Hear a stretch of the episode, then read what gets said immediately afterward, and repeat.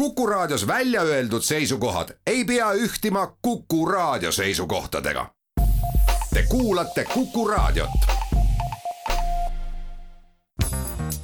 järjejutt. Susanna Clark, Piranesi, tõlkinud Hanna Arras Postimehe kirjastuselt. järjejutt kui kuu kolmanda põhjasaali kohale kerkis, siis läksin ma üheksandasse vestibüüli. viienda kuu esimese päeva sissekanne aastal, mil albatross lendas edelasaalidesse. kui kuu kolmanda põhjasaali kohale kerkis, siis läksin ma üheksandasse vestibüüli, et olla tunnistajaks kolme tõusulaine ühinemisele. selline sündmus leiab aset üksnes iga kaheksa aasta järel üheksas vestibüül on märkimisväärne oma kolme võimsa trepi tõttu. selle seinu ääristavad marmorist kujud, neid on sadu ja sadu rida rea järel astangutena kaugetesse kõrgustesse kerkimas. ma ronisin lääneseinast üles, kuni jõudsin mesitaru kandva naise kujuni viisteist meetrit sillutisest kõrgemal naine on minust kaks-kolm korda pikem ja mesitaru katavad minu pöidla suurused marmorist mesilased üks mesilane, see tekitab minus alati kergelt kõheda tunde, ronib üle tema vasaku silma. ma pressisin ennast naise niši ja ootasin, kuni kuulsin tõusulaineid alumistes saalides möirgamas ja tundsin seinu võbisemas selle jõust, mis pidi kohe sündima esimesena saabus tõusulaine kaugetest idasaalidest. see kerkis ilma raevukuseta mööda idapoolseimat treppi sellel puudus nimetamisväärne värv ja selle veed ulatusid pelgalt pahkluuni. see laotus halli peeglina üle sillutise, pinnal ujumas piim ja vahu marmorjad viirud. järgmiseks tuli tõusulaine läänesaalidest, see tõusulaine rullus mürinal piki läänepoolseimat treppi üles ja lajatas valju laksatusega vastu idaseina, nii et kõik kujud värisesid selle vaht oli valev nagu vanad kalaluud ja selle mässlevad sügavikud olid tinajad mõne sekundiga tõusid selle veed esimese rea kujudele vööni. viimaseks saabus põhjasaalide tõusulaine. see viskus üles keskmisest trepist, täites vestibüüli sädeleva jäävalge vahuplahvatusega. ma olin läbi leotatud ja pimestatud.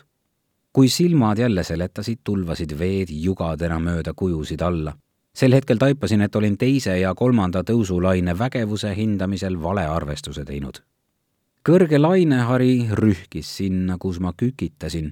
võimas veekäsi sirutus mind seinalt noppima. lõin käsivarred ümber mesitaru kandva naise jalgade ja palvetasin maja poole, et see mind kaitseks. veed katsid mind ja viivuks ümbritses mind niisugune kummaline vaikus nagu siis, kui meri pea kohal kokku lööb ja omaenese hääled summutab ma arvasin, et suren või et mind kantakse kaasa tundmatutesse saalidesse, tuttavlike tõusulainete pahinast ja mulinast kaugele. ma hoidsin kogu jõust kinni. siis, niisama äkki, kui oli alanudki, see lõppes. koondlaine voogas edasi ümbritsevatesse saalidesse. ma kuulsin köminat ja laksakaid, kui tõusulained seinu nuhtlesid veed üheksandas vestibüülis alanesid kiiresti kuni küündisid vaevu esimese kujude rea pjedestaalideni. adusin, et hoian millestki kinni. avasin peo ja leidsin mingi kauge kuju marmorist sõrme, mille tõusulained olid sinna poetanud. maja ilu oli mõõtmatu, selle lahkus lõputu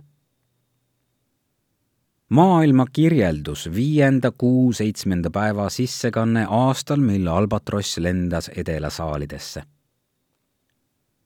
ma olen otsustanud avastada maailma nii palju, kui oma eluajal vähegi suudan. selle nimel olen rännanud nõnda kaugele kui üheksasaja kuuekümnenda saalini läänes, kaheksasaja üheksakümnenda saalini põhjas ja seitsmesaja kuuekümne kaheksanda saalini lõunas ma olen roninud ülemistesse saalidesse, kus pilved liiguvad aeglases rivis ja kujud ilmuvad äkitselt ududest nähtavale ma olen uurinud uppunud saale, kus tumedate vete pinda katab valgete vesirooside vaip. ma olen näinud idakaare varemeisse vajunud saale, kus laed ja põrandad, mõnikord koguni seinad, on sisse varisenud ning hämarust lõhestavad hallika valguse kiired. kõikjal neis paigus olen ma ukse avades seisnud ja pilgu ettepoole sihtinud. ma pole kordagi näinud vähimatki märki sellest, et paistaks maailma lõpp. Näen üksnes saalide ja koridoride korrapärast kulgemist kaugusse ükski saal, vestibüül, trepp ega käik pole ilma kujudeta. enamikus saalides võtavad nad enda alla kogu vaba pinna, ehkki siin-seal võib leida mõne tühja pjedestaali, niši või apsiidi või isegi tühimiku seinal, mis on muidu kujudega kaetud. Need puudumised on oma olemuselt niisama müstilised kui kujud ise ma olen tähele pannud, et kuigi ühe saali kujud on suuruselt enam-vähem sarnased, valitseb saalide vahel nimetamisväärne mitmekesisus. mõnel pool on kujud kaks-kolm korda inimesest kõrgemad, teisal suhteliselt elusuurused ja paiguti küünivad mulle kõigest õlani. uppunud saalides on ka suisa hiiglaslikke, viieteistkümne kuni kahekümne meetriseid, kuid need on erandlikud tegin algust kataloogiga, kuhu kavatsen kirja panna iga kuju asukoha, suuruse ja kirjelduse ning muid huvitavaid tähelepanekuid. praeguseks olen jõudnud valmis esimese ja teise edelasaali ning tegelen kolmandaga. selle ülesande tohutus paneb mul vahel pea pisut pööritama, ent teadlase ja uurijana on mul kohustus olla tunnistajaks maailma hiilgusele. maja akendest avaneb vaade suurtele hoovidele lagedatele tühjadele kivisillutisega platsidele. hoovid on neljakandilised, kuid vahel satub silme ette ka kuue- ja kaheksakandilisi või isegi kõigest kolmekandilisi, mis on üsnagi pentsikud ja sünged. majast väljapoole jäävad ainult taevakehad, päike, kuu ja tähed.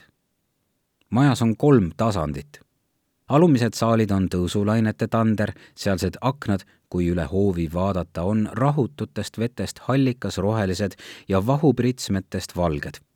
alumised saalid pakuvad kala, koorikloomade ja meretaimede näol toitu. ülemised saalid on, nagu juba öeldud, pilvede pärusmaa, sealsed aknad on hallikas valged ja udused.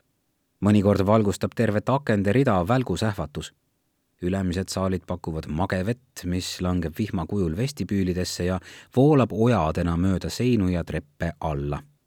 Nende kahe suuresti elamiskõlbmatu tasandi vahele jäävad keskmised saalid, mis on lindude ja inimeste valdus. maja kaunis korraldus annab meile elu. täna hommikul vaatasin ma kaheksateistkümnenda kagusaali aknast välja.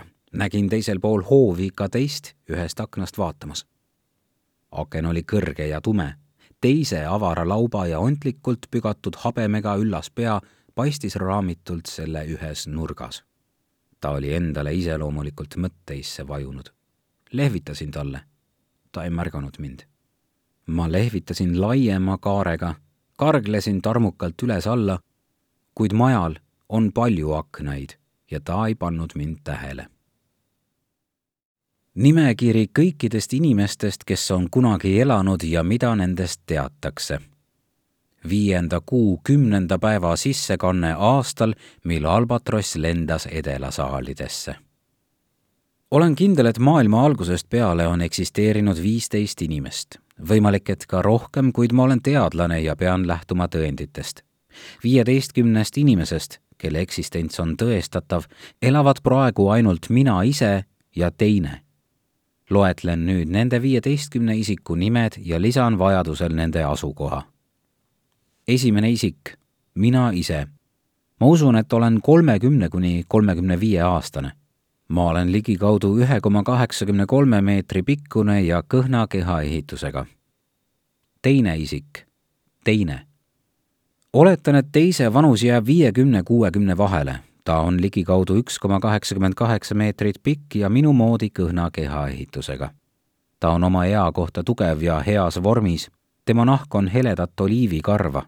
tema lühikesed juuksed ja vuntsid on tumepruunid. tal on hallinev peaaegu valge habe, mis on korralikult pügatud ja otsast pisut terav tema peakuju on erakordselt peenejooneline, kõrgete aristokraatsete põsesarnade ja avara mõjuka laubaga temast jääb üldiselt mulje kui sõbralikust, ent karmivõitu inimesest, kes on pühendanud oma elu vaimsusele. ta on teadlane nagu minagi ja ainus teine elus inimolend, seega hindan ma tema sõprust loomulikult kõrgelt teine usub, et maailm peidab endas suurt ja salajast teadmist, mis annab meile tohutu võimu, kui oleme selle avastanud. Ta ei ole kindel, milles see teadmine seisneb, kuid on andnud vihjeid, et see võib hõlmata näiteks punkt üks, surma võitmist ja surematuse saavutamist. kaks, telepaatia teel teiste inimeste mõtete lugemist. kolm, kotkasteks moondumist ja läbi õhu lendamist neli, kaladeks moondumist ja läbi lainete ujumist, viis, esemete liigutamist ainuüksi mõtte jõul, kuus, päikese ja tähtede kustutamist ja uuesti süütamist, seitse, vähema intellektiga olendite üle valitsemist ja nende meie tahtele allutamist. teine ja mina otsime usinalt seda teadmist. me kohtume kaks korda nädalas teisipäeviti ja reedeti ja arutame oma tööd. teine planeerib oma aega piinliku täpsusega ega lase meie kohtumistel kunagi ühest tunnist pikemaks venida. Kui ta muul ajal mind vajab, siis hüüab ta Piranesi, kuni ma tulen. Piranesi, nõnda ta mind kutsub. mis on imelik, sest nii palju, kui ma mäletan, ei ole see mu nimi. kolmas isik, küpsise karbi mees küpsise karbimees on luukere, mis paikneb kolmandas loodesaalis tühjas nišis. luud on sätitud kindla korra järgi. Sarnase suurusega pikad on punti kogutud ja meriheinast nööriga kokku seotud. Neist paremale on asetatud kolju ja vasemale küpsisekarp kõikide pisemate luudega, sõrmeluude, varbaluude, selgroolülidega ja nii edasi. küpsisekarp on punane sellel on küpsiste pilt ning kirjad Huntley Palmers ja Family Circle. Kui ma küpsise karbi mehe omal ajal leidsin, siis oli pudedaks kuivanud meriheinanöör tükkideks lagunenud ja ta nägi kaunikesti kasimata välja. ma keerutasin kalanahast uue nööri ja köitsin kondid taas kimpu. nüüd on ta jälle kenasti korras. neljas isik, peidetud persoon ühel päeval kolm aastat tagasi ronisin ma kolmeteistkümnenda vestibüüli trepist üles. nähes, et pilved olid sellest piirkonnast hajunud ja ülemised saalid kirkad ning klaarid ja kümblesid päikesevalguses, otsustasin pikemalt uudistada. ühes saalis, mis asub otse kaheksateistkümnenda kirdesaali kohal, leidsin osaliselt kokku kukkunud luukere, mis oli pressitud ahtasse tühimikku seina ja pjedestaali vahel luude toonase asetuse järgi otsustades oli ta algul vististi istunud, põlved lõua all. ma pole suutnud tuvastada tema sugu. kui ma luud lähemaks uurimiseks välja võtaksin, siis ei saaks ma neid enam mingil moel tagasi panna. isikud viiendast neljateistkümnendani alkoovi inimesed kõik alkoovi inimesed on skeletid, nende luud lebavad külg külje kõrval tühjal pjedestaalil neljateistkümnenda edelasaali põhjapoolseimas alkoovis. minu esialgsel hinnangul on kolm neist naised ja kolm mehed, nelja luustiku sugu ei oska ma kindlaks määrata. Neist ühele panin ma nimeks kalanahamees kalanahamehe skelett on ebatäielik ja paljud tema luud on tõusulainetest tublisti lihvitud mõnel pool on järel pelgalt pisike luuglibu, mõne luu otstesse on puuritud tillukesed augud, kus on näha kalanaha jäänuseid. sellest järeldan ma, et esiteks, kalanaha mehe skelett on teistest vanem. teiseks, kalanaha mehe skelett oli kunagi teistsuguses poosis ja tema luid hoidsid koos kalanaha ribad, kuid aja jooksul nahk kõdunes. kolmandaks pärast kalanahameest tulnud inimesed, oletatavasti alkoovi inimesed, pidasid inimelu nii kõrgelt au sees, et kogusid tema kondid kannatlikult kokku ja paigutasid ta oma surnute juurde. küsimus. kui tunnen, et hakkan peatselt surema, kas peaksin siis minema ja alkoovi inimeste kõrvale heitma? minu silma järgi on seal ruumi veel neljale täiskasvanule ma olen küll noor mees ja minu surmapäev on loodetavasti kaugel ees, kuid olen selle üle järele mõelnud alkoovi inimeste juures lebab veel üks luukere, ehkki see ei lähe kirja kui kunagi elanud isik. umbes viiekümne sentimeetrise keha ja niisama pika sabaga olendi jäänused. ma olen võrrelnud tema luid mitmesugustel kujudel portreeritud olenditega ja usun, et need kuuluvad ahvile. Ma ei ole majas ühtki elusat ahvi näinud. viieteistkümnes isik, kägaras laps kägaras laps on luukere, usutavasti naissoost ja umbes seitsmeaastane. ta on paigutatud tühjale pjedestaalile kuuendas kagusaalis. tema põlved on lõua alla tõmmatud, käsivarred ümber põlvede põimitud ja pea kumaras. kaelas ripub tal korallhelmestest ja kalaluudest kee ma olen selle lapse ja iseenda suhte üle sügavalt järele mõelnud maailmas elavad, nagu ma juba selgitasin, üksnes mina ise ja teine ja me mõlemad oleme meessoost. kuidas saab maailm pärast meie surma uue asuka? ma usun, et maailm või siis maja, sest need kaks on praktiliselt üks ja seesama, soovib endale asukat, kes oleks tunnistajaks selle ilule ja selle armu osaline ma väidan, et maja kavandas kägarase lapsest minu naist, ent miski takistas sellel plaanil teostumast. sest saadik, kui niisugusele mõttele tulin, on tundunud ainuõige jagada temaga seda, mis mul on. ma külastan kõiki surnuid, kuid kõige sagedamini kägarase last. ma viin neile toitu, vett ja uppunud saalidest nopitud vesiroose ma räägin nendega, jutustan, mida olen vahepeal teinud ja kirjeldan imesid, mida olen majas näinud. sel moel saavad nad märku, et ei ole üksi. nõnda talitan ainult mina. teine seda ei tee. minu teada ei järgi ta mingeid usundilisi tavandeid. kuueteistkümnes isik. ja sina? kes oled sina? kellele ma kirjutan? Kas oled sa rändur, kes on tõusulaineid tüssanud ja katkisi põrandaid ning murenenud treppe ületanud, et neisse saalidesse jõuda? või oled sa hoopis keegi, kes uitab mu saalides veel kaua pärast seda, kui mina juba surnud olen? minu päevikud, viienda kuu seitsmeteistkümnenda päeva sissekanne aastal, mil albatross lendas edelasaalidesse ma kirjutan kõik oma tähelepanekud märkmikesse üles. teen seda kahel põhjusel.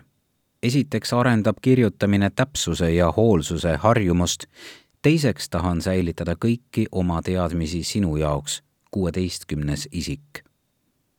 ma hoian oma märkmikke pruunist nahast portfellis portfell seisab harilikult teise põhjasaali kirdenurgas roosipõõsasse takerdunud ingli kuju taga õõnsuses seal hoian ma ka oma kella, mida vajan teisipäeviti ja reedeti, kui kümnendaks tunniks teisega kohtuma lähen.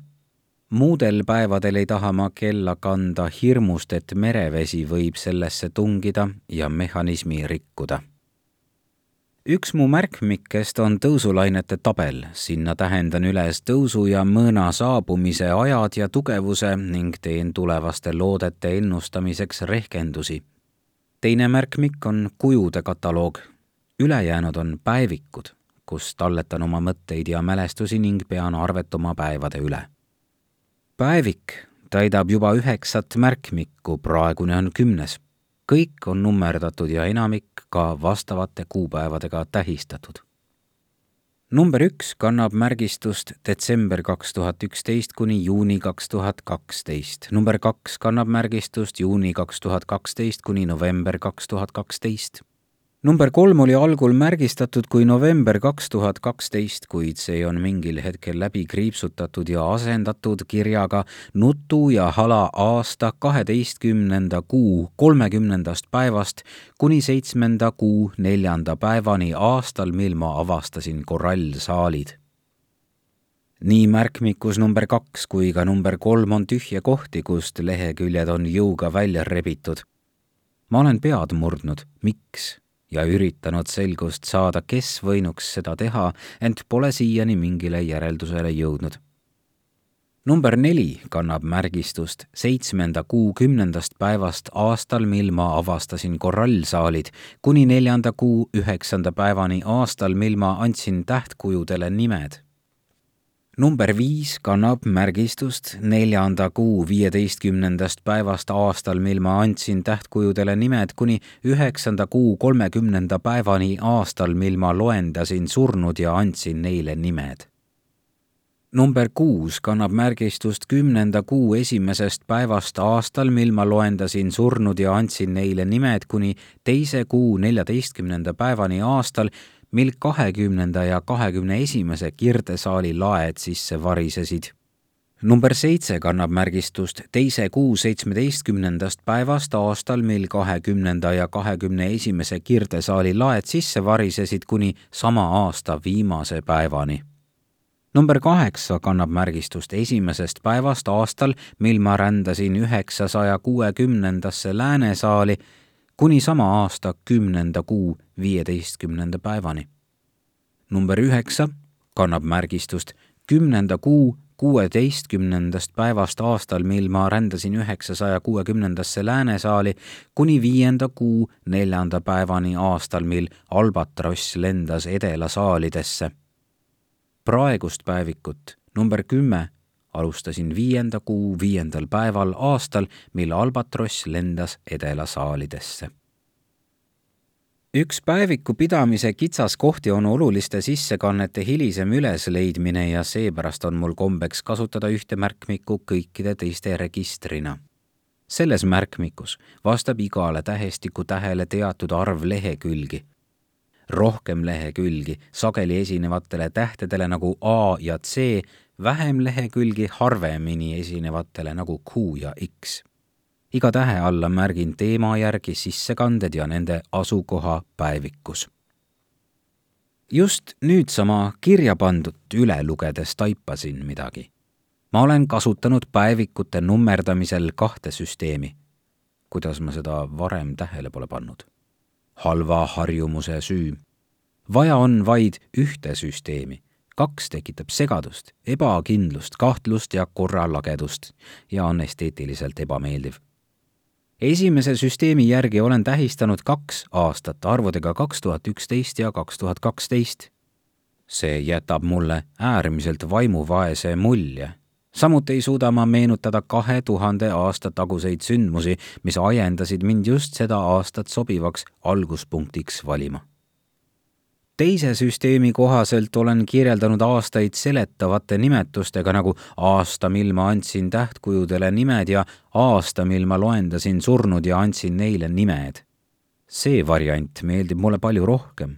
see annab igale aastale oma iseloomu.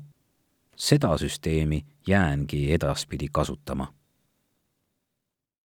kujud viienda kuu kaheksateistkümnenda päeva sissekanne aastal, mil albatross lendas edelasaalidesse.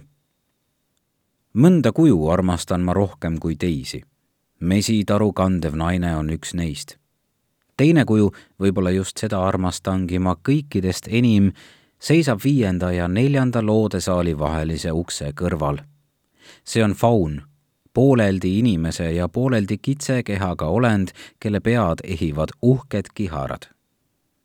tema huultel mängleb põgus naeratus ja nimetissõrm on suule surutud. mul on algusest peale tunne, nagu tahaks ta mulle midagi öelda või mind millegi eest hoiatada.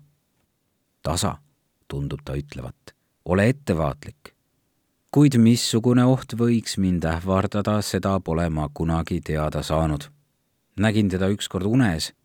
ta seisis lumises metsas ja rääkis tüdruklapsega. gorilla viiendas põhjasaalis jääb mulle alati silma.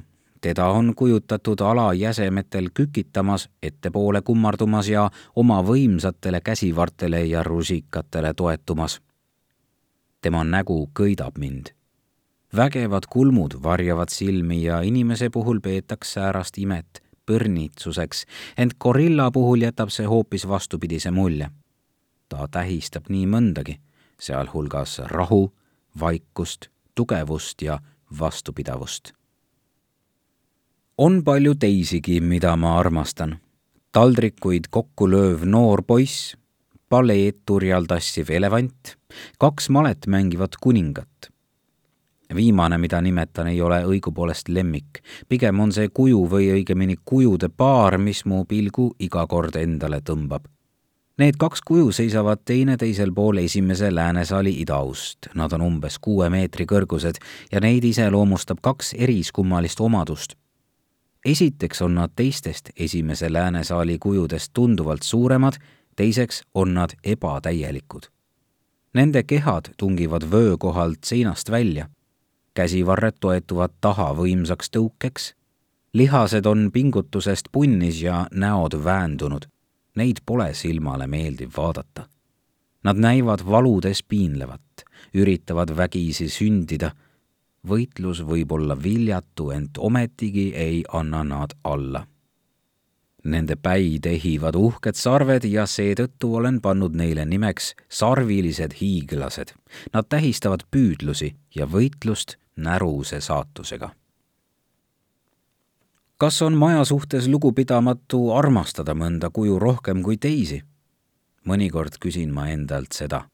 usun, et maja ise armastab ja õnnistab võrdselt kõike, mida on loonud. kas peaksin üritama sama teha?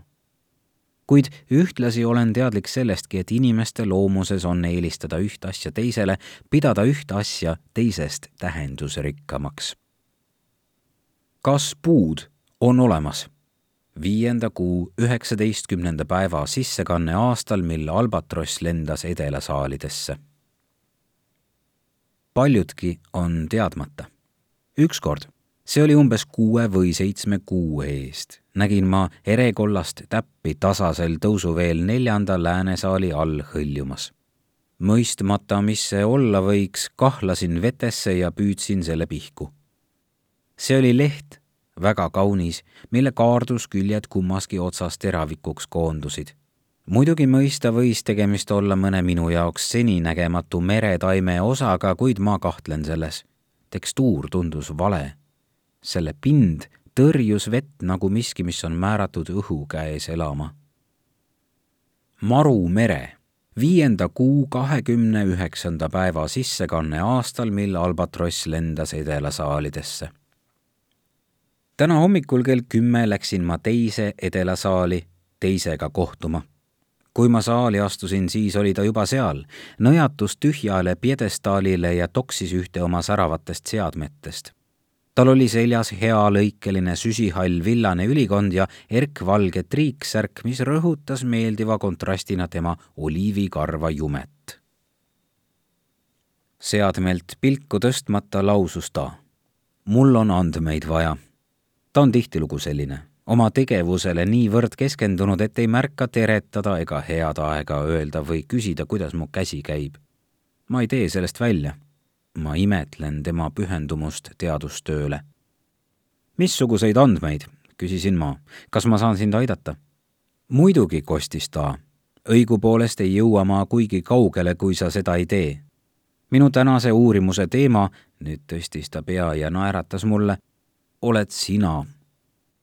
tal on ääretult võluv naeratus, kui tal tuleb meelde seda kasutada. tõesti, sõnasin. mida sa üritad välja selgitada? kas sul on minu kohta mingi hüpotees? jah. mis see on? ma ei saa seda sulle öelda. see võib andmeid mõjutada. aa, jah, tõsi ta on, vabandust. Pole midagi, ütles ta. uudishimu on loomulik nähtus ta asetas oma läikiva asjanduse tühjale pjedestaalile ja pööras ringi. istu, sõnas ta. ma istusin rätsepa istes sillutisele ja ootasin tema küsimusi. on sul mugav asend? küsis ta. tore, nüüd räägi mulle, mida sa mäletad. mida ma mäletan? kordasin hämmeldunult. jah, sel küsimusel jääb täpsusest vajaka, märkisin katsu sellegipoolest vastata, ütles ta. Hmm, ümisesin. küllap on vastus, et kõike, ma mäletan kõike. tõesti, küsis ta, see on üsna julge väide, kas sa oled kindel? usun küll. too mulle mõni näide selle kohta, mida sa mäletad. noh, laususin ma, oletame, et sa nimetad ühe saali, mis asub siit mitme päevatee kaugusel. Eeldusel, et ma olen seal varem käinud, oskan sulle otsekohe öelda, kuidas sinna minna ma võin nimetada kõiki saale, millest sul on vaja läbi rännata. ma oskan kirjeldada kõiki tähelepanuväärseid kujusid, mida sa seintel näeksid ja suhteliselt täpselt ka nende asukohta. kas nad seisavad põhja, lõuna, ida või lääne seina ääres ja kuidas nad seina suhtes konkreetselt paiknevad.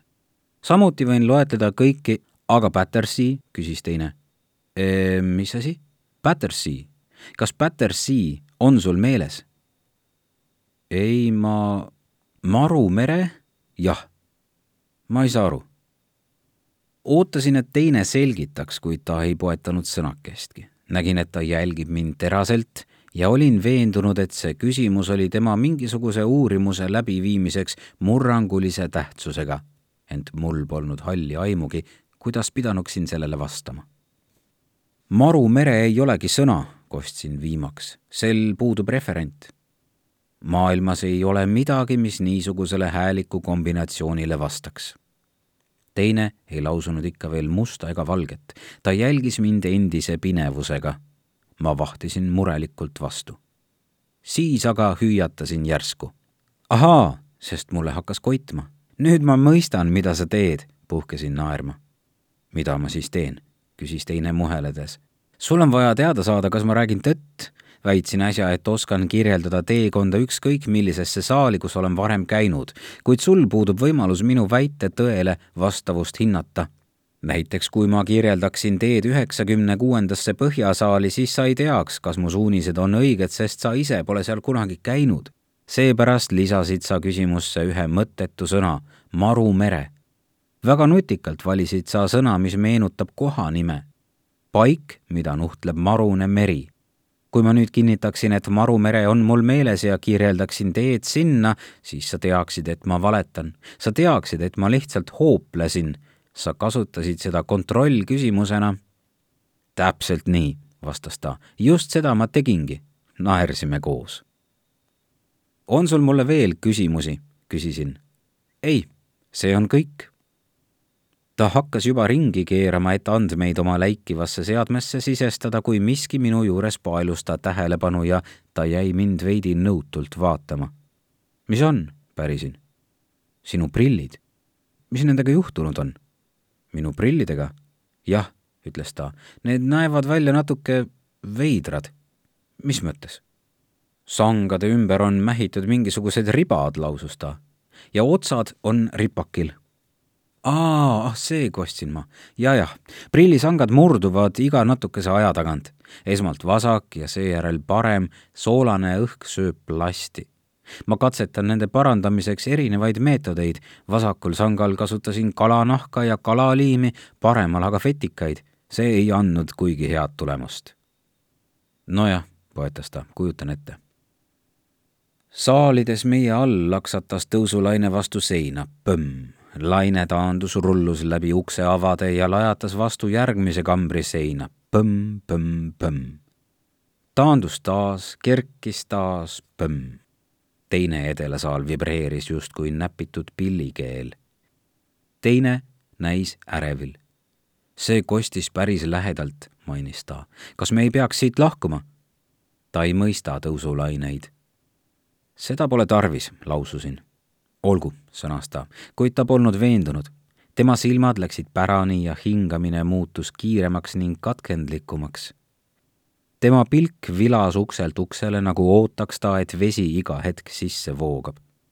ma ei taha lõksu jääda, tähendas ta. ükskord oli teine kaheksandas põhjasaalis kümnendas vestibüülis kerkis tugev põhjasaalide tõusulaine ja sellele järgnes hetk hiljem niisama tugev idasaalide tõusulaine kaheteistkümnendas vestibüülis. tohutu hulk vett valgus ümbritsevatesse saalidesse, kaasa arvatud sellesse, kus asus teine. veed tõstsid ta üles ja haarasid endaga kaasa, mühisedes temaga läbi ukseavade ja klobides teda vastu seinu ning kujusid mitu korda vajus ta täiesti vee alla ja arvas end uppuvat. lõpuks uhtusid tõusulained ta kolmanda läänesaali sillutisele, seitse saali algsest asukohast eemal. sealt ma ta leidsingi. tõin talle teki ja kuuma vetika merikarbi suppi. niipea kui ta suutis end jalule ajada, lahkus ta sõnagi lausumata. ma ei tea, kuhu ta läks. tõtt-öelda ei tea ma seda kunagi. See juhtus tähtkujudele nimede andmise aasta kuuendal kuul. sellest ajast peale on teine tõusulaineid peljanud. ohtu ei ole, kinnitasin ma. oled sa kindel?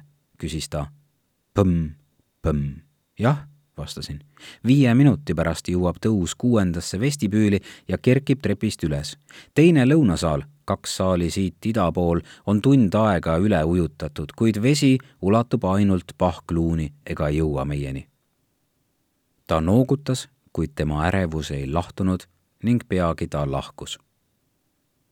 õhtupoolikul läksin kaheksandasse vestibüüli kala püüdma ma ei mõelnud oma vestluse üle teisega, vaid mõtlesin õhtusöögist ja kujude ilust õhtuvalguses.